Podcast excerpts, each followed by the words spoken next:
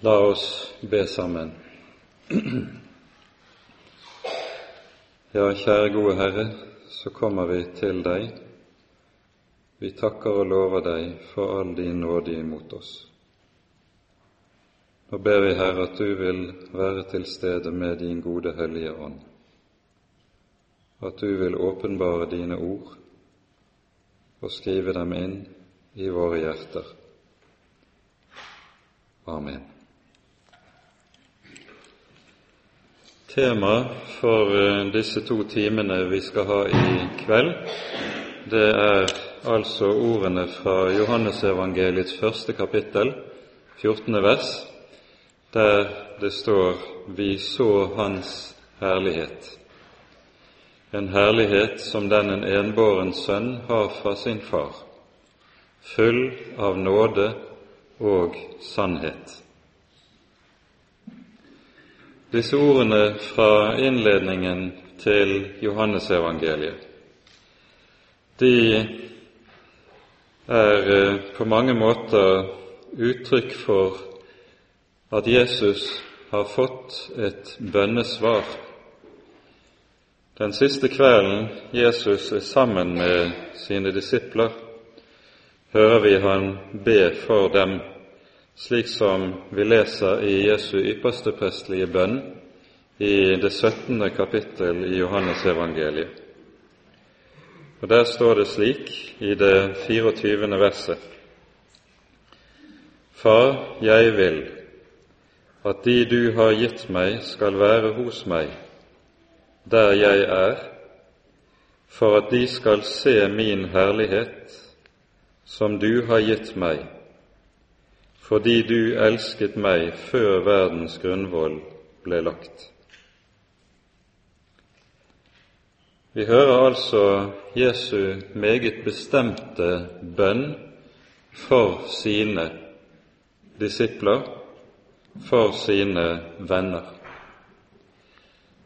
Og denne bønnen innledes i dette verset på en måte som vi ikke hører noe annet sted fra Jesu munn. Vi hører jo ellers at Jesus lærer oss å be skje din vilje.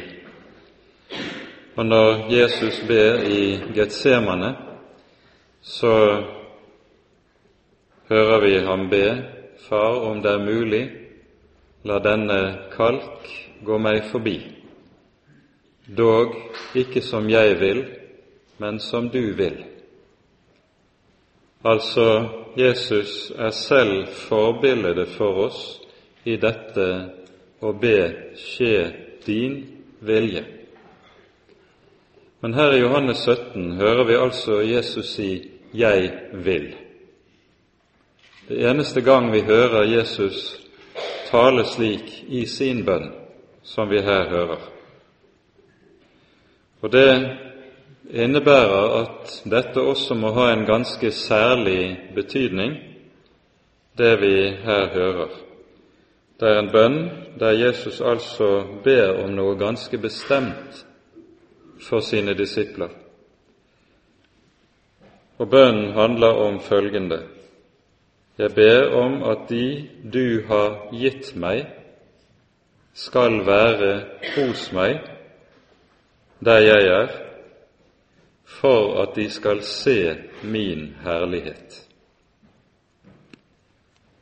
På slutten av sitt liv, når Johannes avslutter sitt evangelium, skriver han så altså, som vi hører det i evangeliets innledning, vi så Hans herlighet.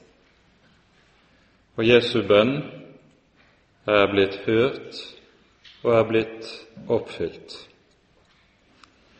Men dette er altså ikke bare en bønn som Jesus ber for sine tolv disipler.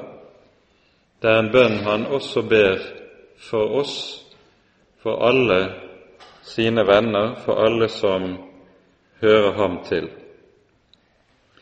Det er jo slik at Jesu ypperste prestelige bønn er så å si todelt.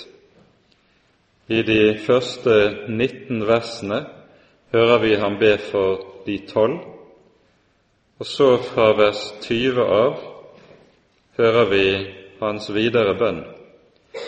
Jeg ber ikke bare for disse, men også for dem som ved deres ord kommer til tro på meg. Og så hører vi altså at de påfølgende vers, det er en forbønn for alle dem som kommer til tro på ham ved apostlenes ord. Og i denne bønnen inngår altså det som vi har hørt. Jeg vil at de du har gitt meg, skal være hos meg, for at de skal se min herlighet. Når Paulus ber for menighetene, så hører vi at hans bønner ofte er en gjenspeiling av denne Jesu bønn. Når vi f.eks. leser hvordan apostelen ber for menigheten i Efesos, så svarer det på svært mange måter til denne Jesu bønn som vi har hørt.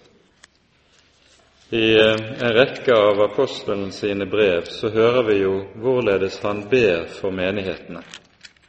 Så også i Efeserbrevets første kapittel.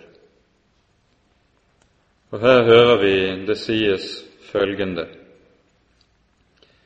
i Efeserne 1 fra vers 15. Derfor, etter at jeg har hørt om deres tro på Herren Jesus og om deres kjærlighet til alle de hellige, holder jeg ikke opp med å takke Gud for dere når jeg minnes dere i mine bønner.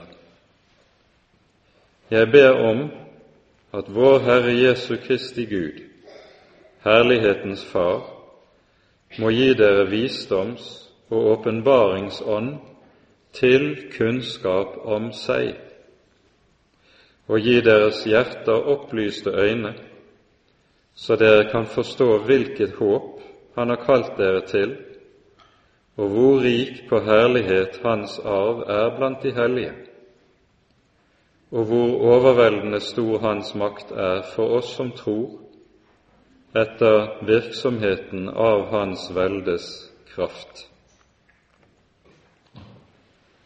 Her er det også tale om å få se. Paulus ber om at menighetene skal få se. Og det er noe ganske bestemt han ber menighetene om at menighetene skal få se, nemlig hvilken herlighet de eier i Kristus Jesus. Den herlighet som det her er tale om, den har apostelen beskrevet i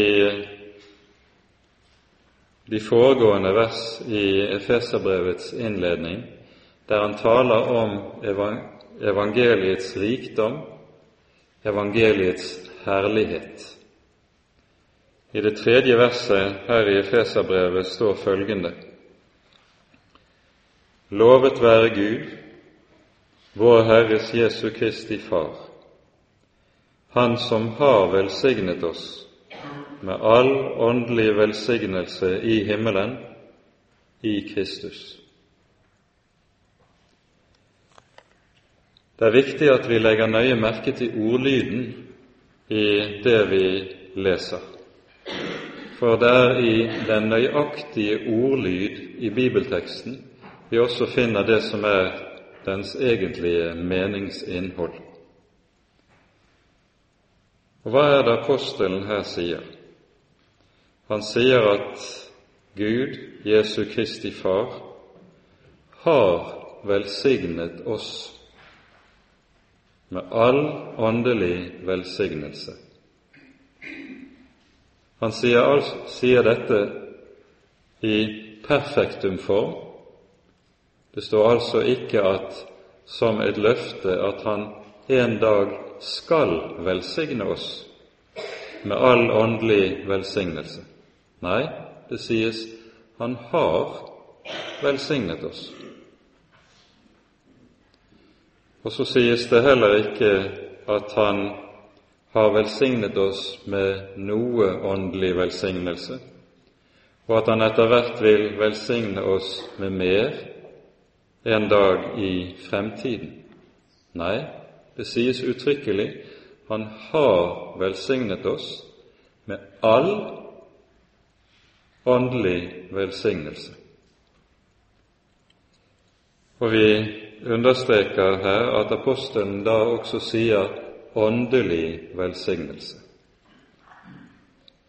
Det er med andre ord ikke tale om noen kjødelig ytre velsignelse, men det taler om en velsignelse som vi eier i Kristus Jesus.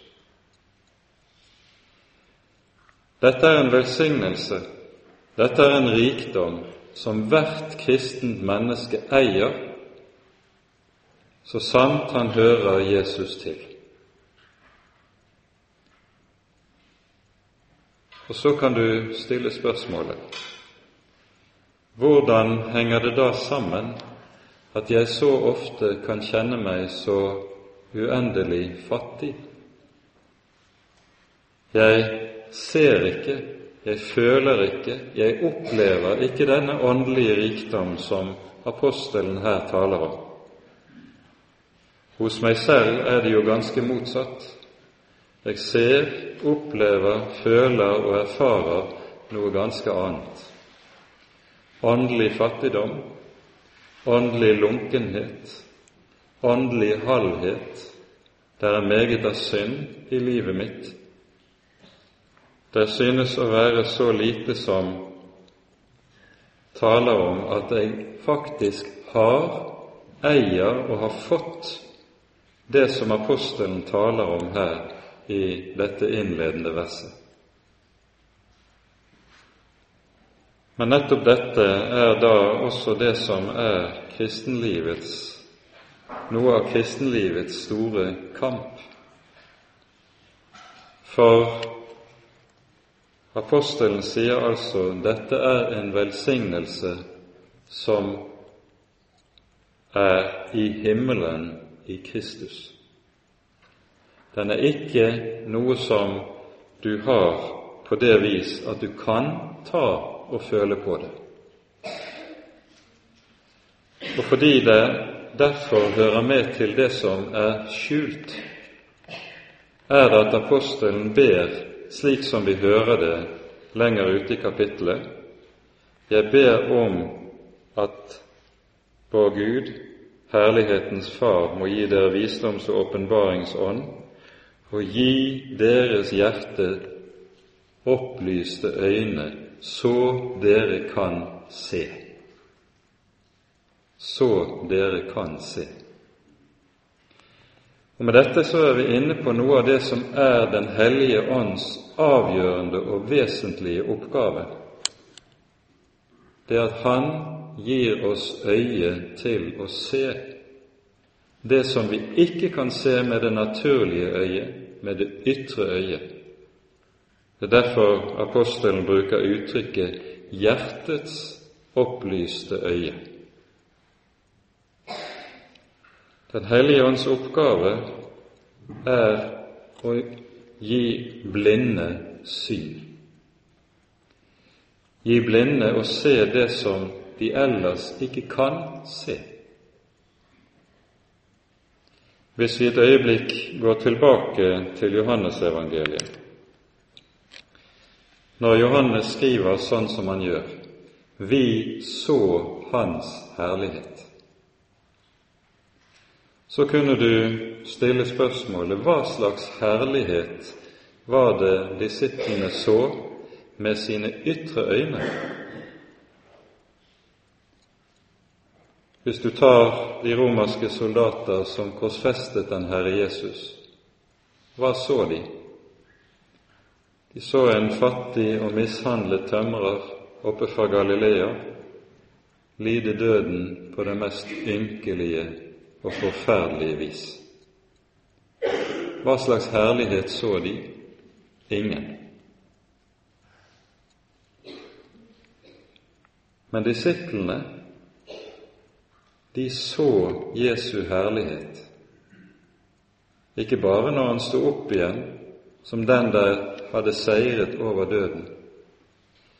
Men slik som Johannes ordlegger seg i sitt evangelium, så er det tydelig at ordet herlighet, det er noe som åpenbares på korset, i Kristi fornedrelse.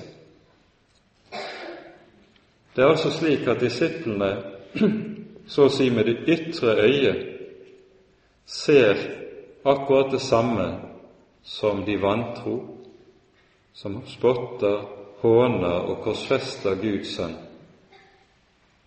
Og likevel ser de noe ganske annet og noe, noe helt noe meget, meget mer enn de andre. De kan si om korset vi så Hans herlighet. Dette er grunnen til at Johannes tre ganger i sitt evangelium sier, når han tar, når gjengir Jesu ord når han taler om korset, så sier Jesus når menneskesønnen blir opphøyet fra jorden.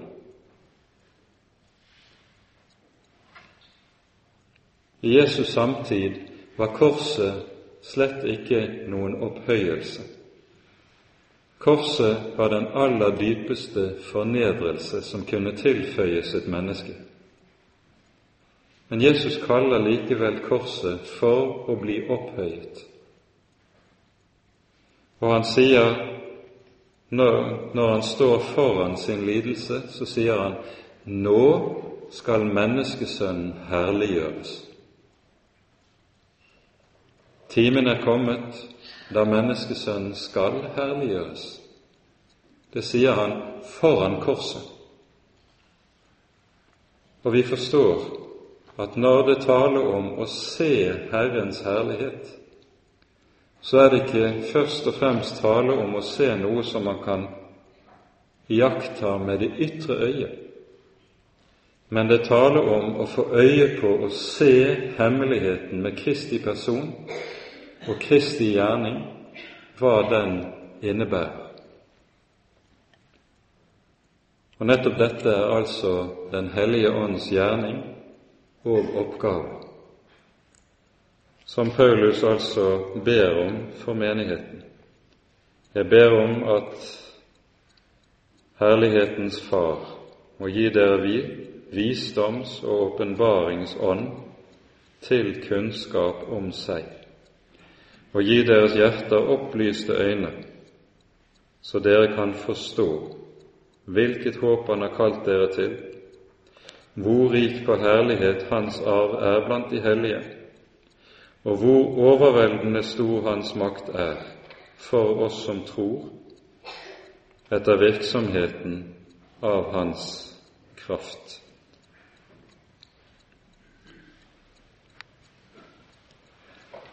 Når Jesus ber, som vi hører det i Johannes 17, ber om at disiplene skal være der Han er for at de skal se Hans herlighet, så er dette samtidig også en beskrivelse av hva det vil si å være en disippel. Dette hører vi i Johannesevangeliets tolvte kapittel. Her hører vi Jesus i følgende når han taler om eh, sin død og sin oppstandelse. Det er noen grekere som kommer til Jesus, eller rettere, de kommer til Jesu disipler, først til Philip, og sier 'Vi vil gjerne se Jesus'. Og Så kommer Jesus med et av disse svarene som lyder så merkverdig i våre øyne. Det er som om Jesus likesom ikke svarer på det de spør, direkte.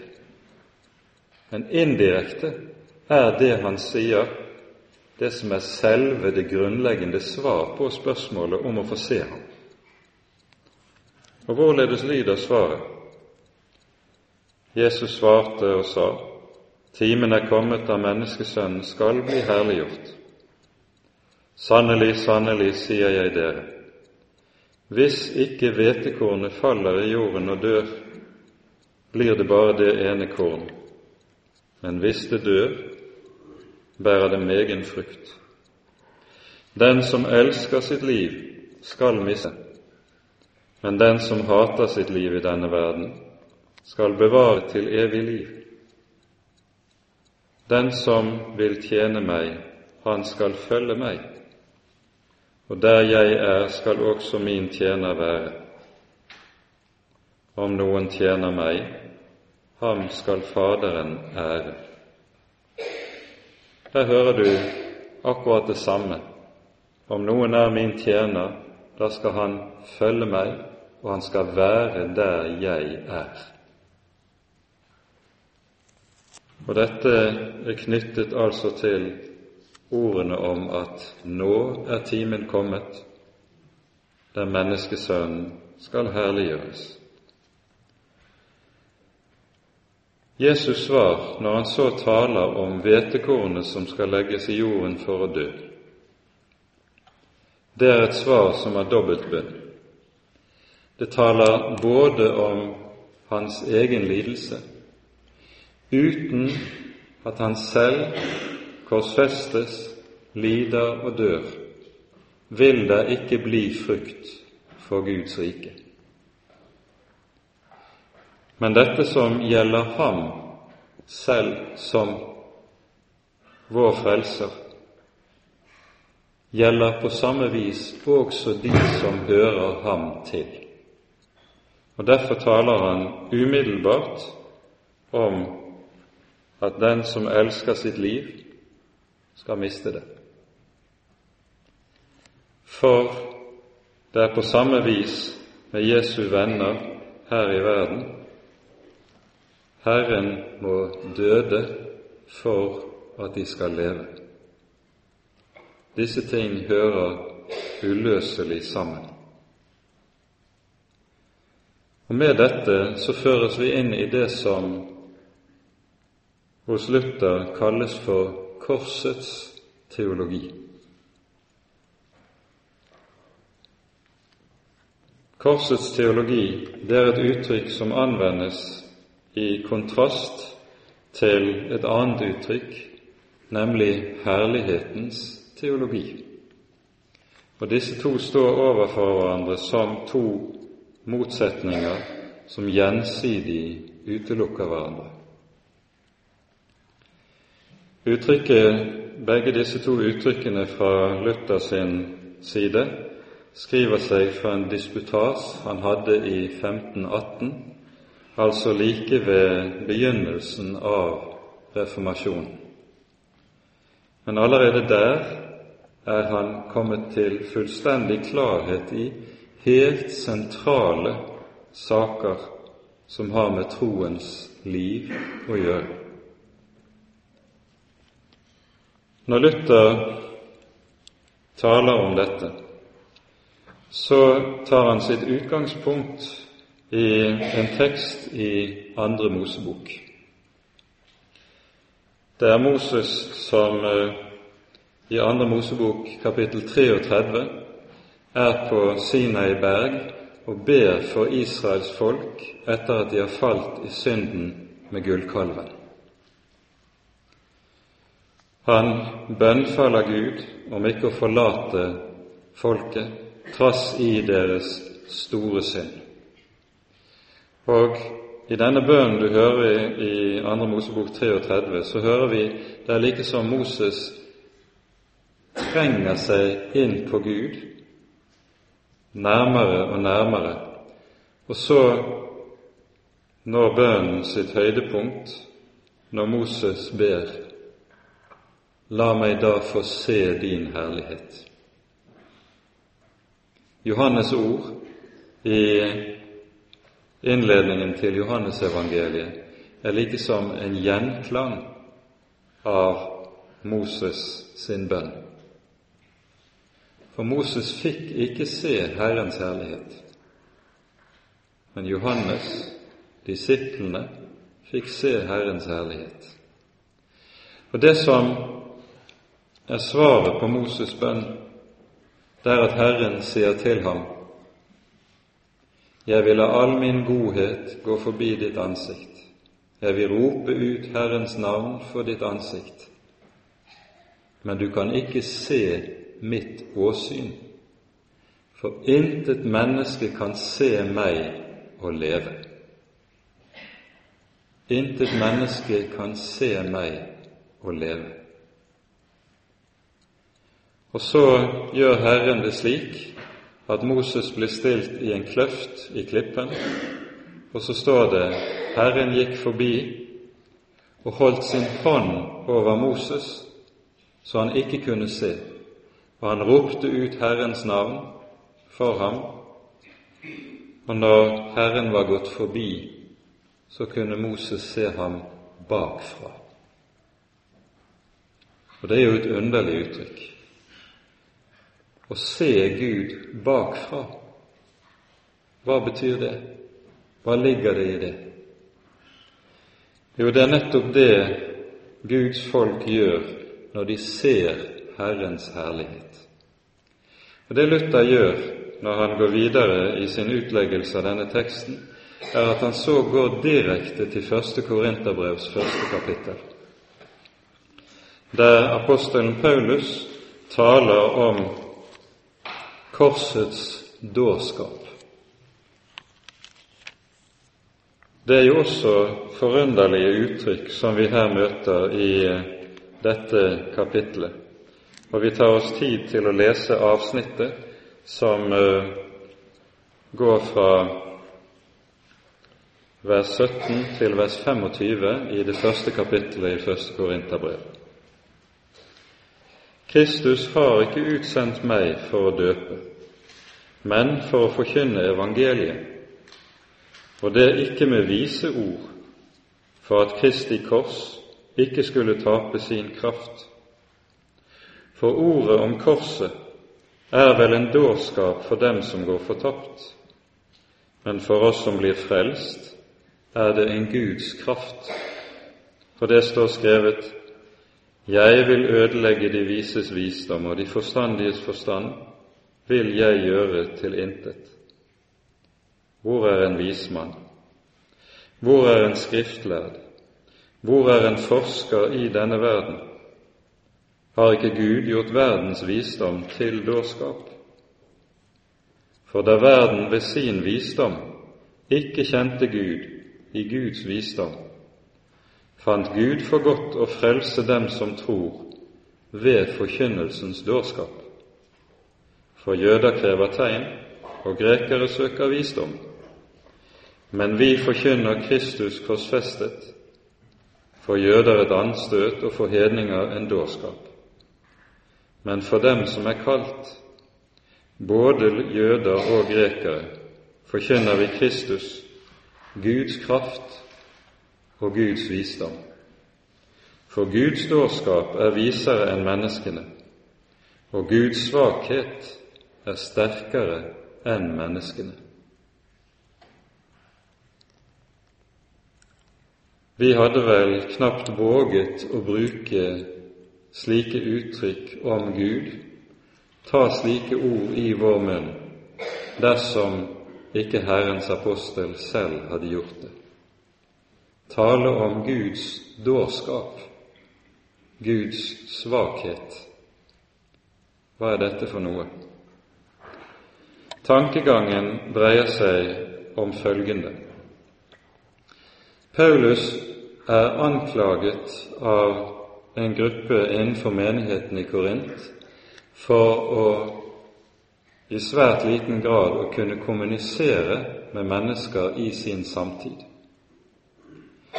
Han, eh, budskapet hans er etter deres mening litt for rått, for hårdt og ubegripelig for folk flest, og derfor støter han folk fra seg. Han bør legge om på sin tale, slik at folk lettere vil trekkes til troen og lettere kunne akseptere det kristne evangeliet. Paulus avviser dette fullstendig. Han sier i stedet uttrykkelig i kapittel 2 jeg ville ikke vite noe annet iblant dere enn Jesus Kristus. Og han setter ikke punktum der. Enn Jesus Kristus og ham korsfestet. Det som var sentrum i Paulus sin forkynnelse, var talen om den korsfestede. Og Derfor kaller Paulus også evangeliet ved flere anledninger for rett og slett ordet om korset. Evangeliet det er ordet om korset. Men nettopp dette er anstøtelig i samtiden, og det forstår vi hvis vi skjønner hvilken rolle korset hadde i samtiden. Det går mer enn 100 år før Kanskje det går 200 år før korset blir et sentralt kristent symbol. I de eldste restene vi har av kristne, kristen kunst, er det sjelden man ser korset avbildet. Det var fordi korset var forbundet med noe forferdelig. Korset var ikke som for oss noe vi ærer ser på meg med den største ærbødighet og takknemlighet. Folk hadde sett for mange korsfestelser til at det var forbundet med ærbødighet. Korsfestelsen var den mest fornedrende av alle dødsstraffer. Derfor kunne f.eks. ikke en romersk borger korsfestes.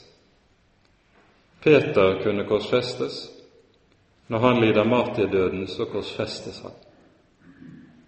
Men Paulus som romersk borger, han kunne ikke korsfestes, så når han lider martyrdøden, skjer det ved halshogging.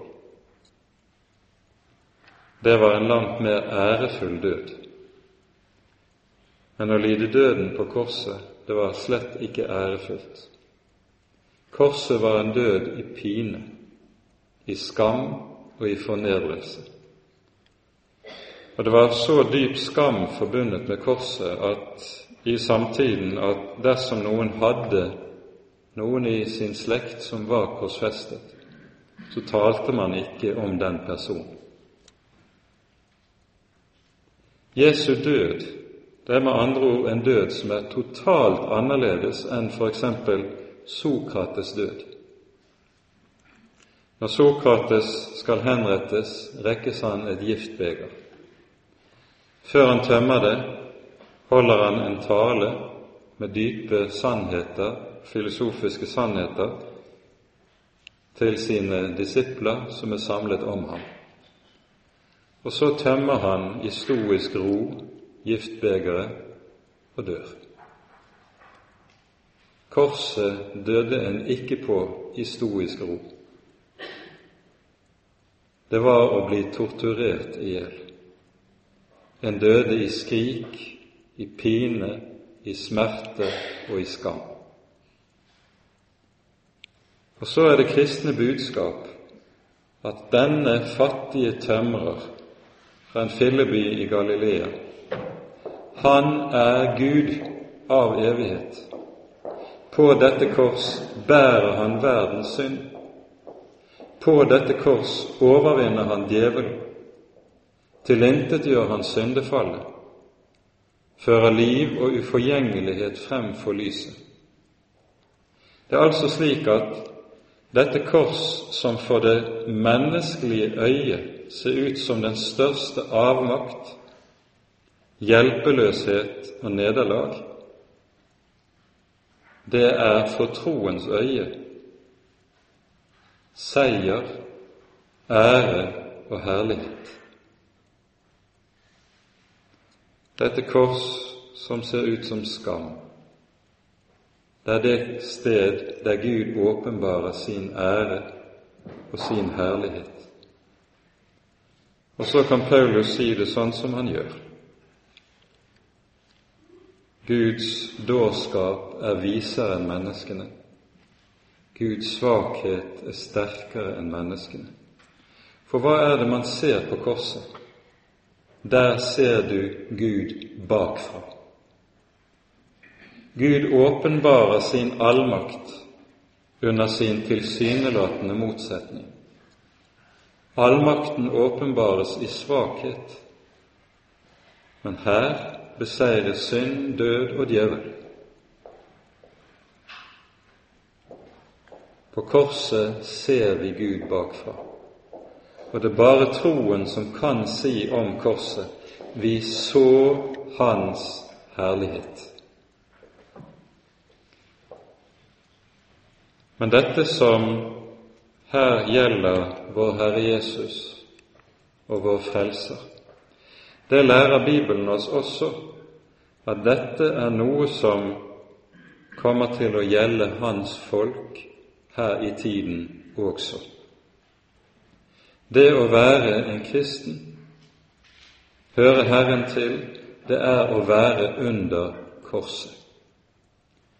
Og Den teksten som kanskje aller sterkest maler dette for våre øyne, det er ordene i 2. Korinterbrevs 12. kapittel, der apostelen Paulus taler om tårnen i kjødet. Og Vi tar oss også tid til å lese fra denne teksten.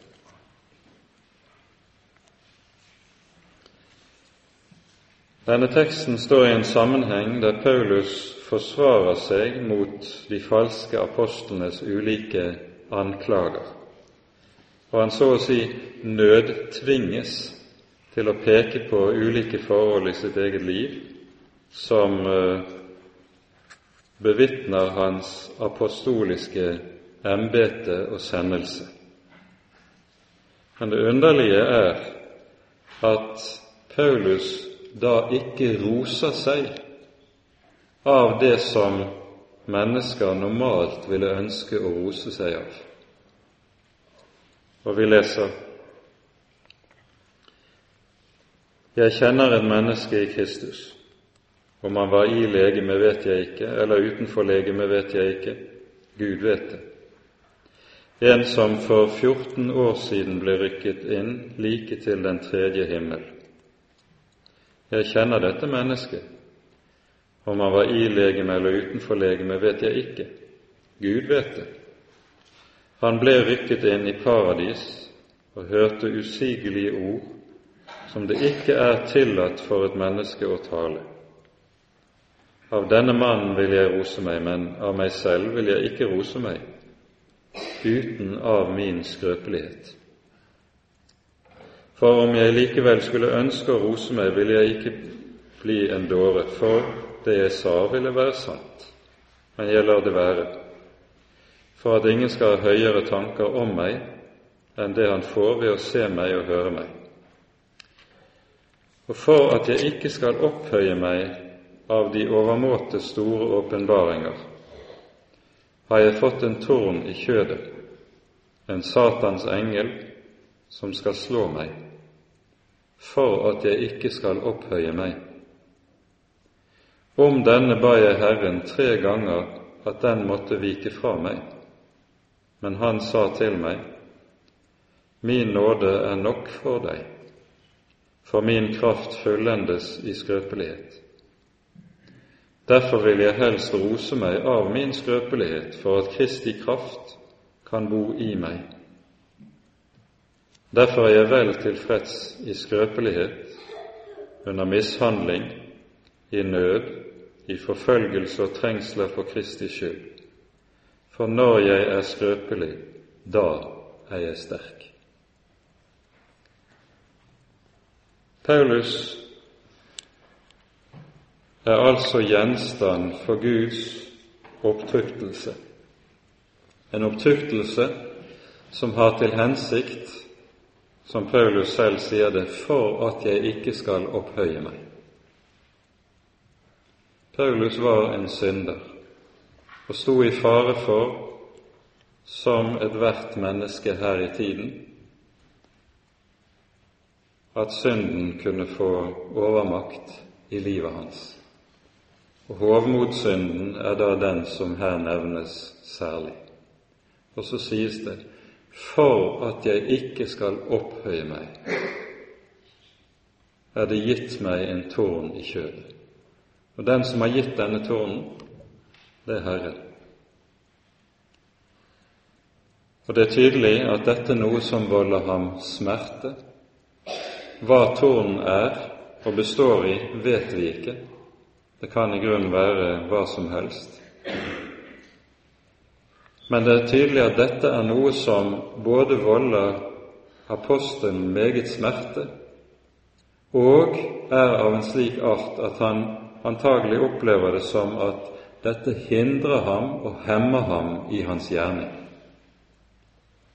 Kunne jeg bare blitt kvitt denne tårnen i kjødet, så kunne jeg nådd så meget lenger med evangeliet.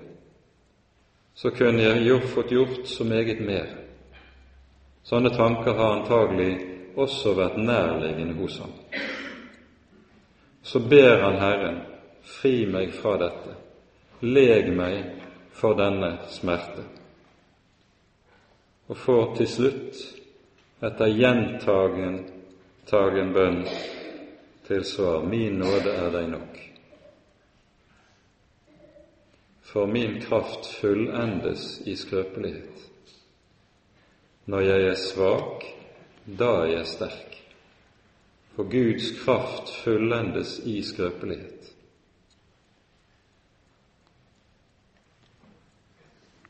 Dette betyr og innebærer meget konkret at når Gud vil gjøre et menneske sterkt, så gjør han det svakt. Når Gud vil gjøre et menneske til sin redskap, så gjør han det ubrukelig.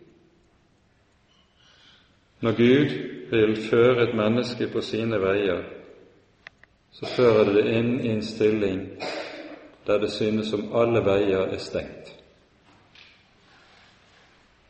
Gud fører på en måte som vi ikke er i stand til å forstå og gripe.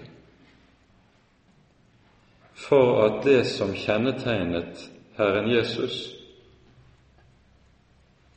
på Hans kors, også skal virkeliggjøres i hans tjeners liv. Når jeg er svak, er jeg sterk, for kraften fullendes i skrøpelighet. Slik var det med den Herre Jesus, og slik er det også med hans tjenere på ulike vis. Vi vil gjerne ha kraft og bli sterke. Men det er farlig for en kristen å bli sterk. Det som er en kristens rette og egentlige styrke, er at han i stedet er så svak, så hjelpeløs, at han er avhengig av Herren. For det er avhengigheten av Herren som er en kristens egentlige styrke. Når jeg er svak, når jeg er skrøpelig, da er jeg sterk. Og så er vi tilbake til ordene vi leste i Efeserbrevet tidligere.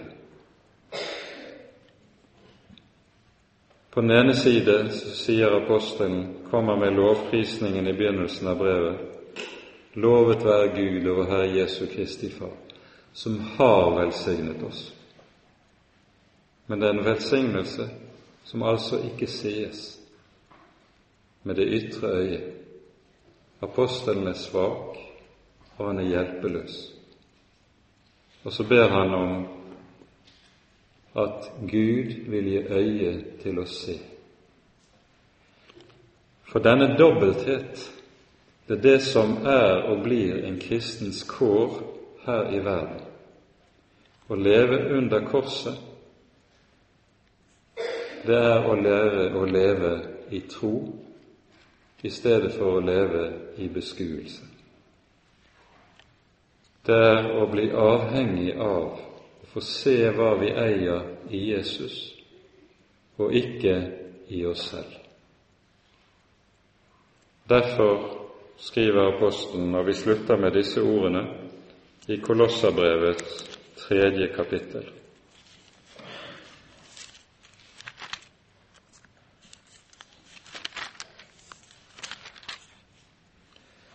Er dere reist opp med Kristus, så søk det som er der oppe, der Kristus sitter ved Guds høyre hånd.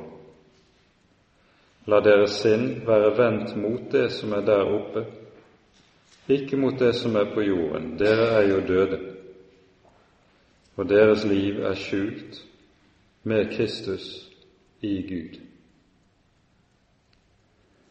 Det er mange som har det med det at de lurer på er jeg en sann kristen.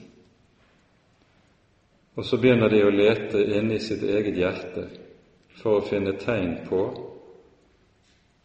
at de er rette og sanne kristne.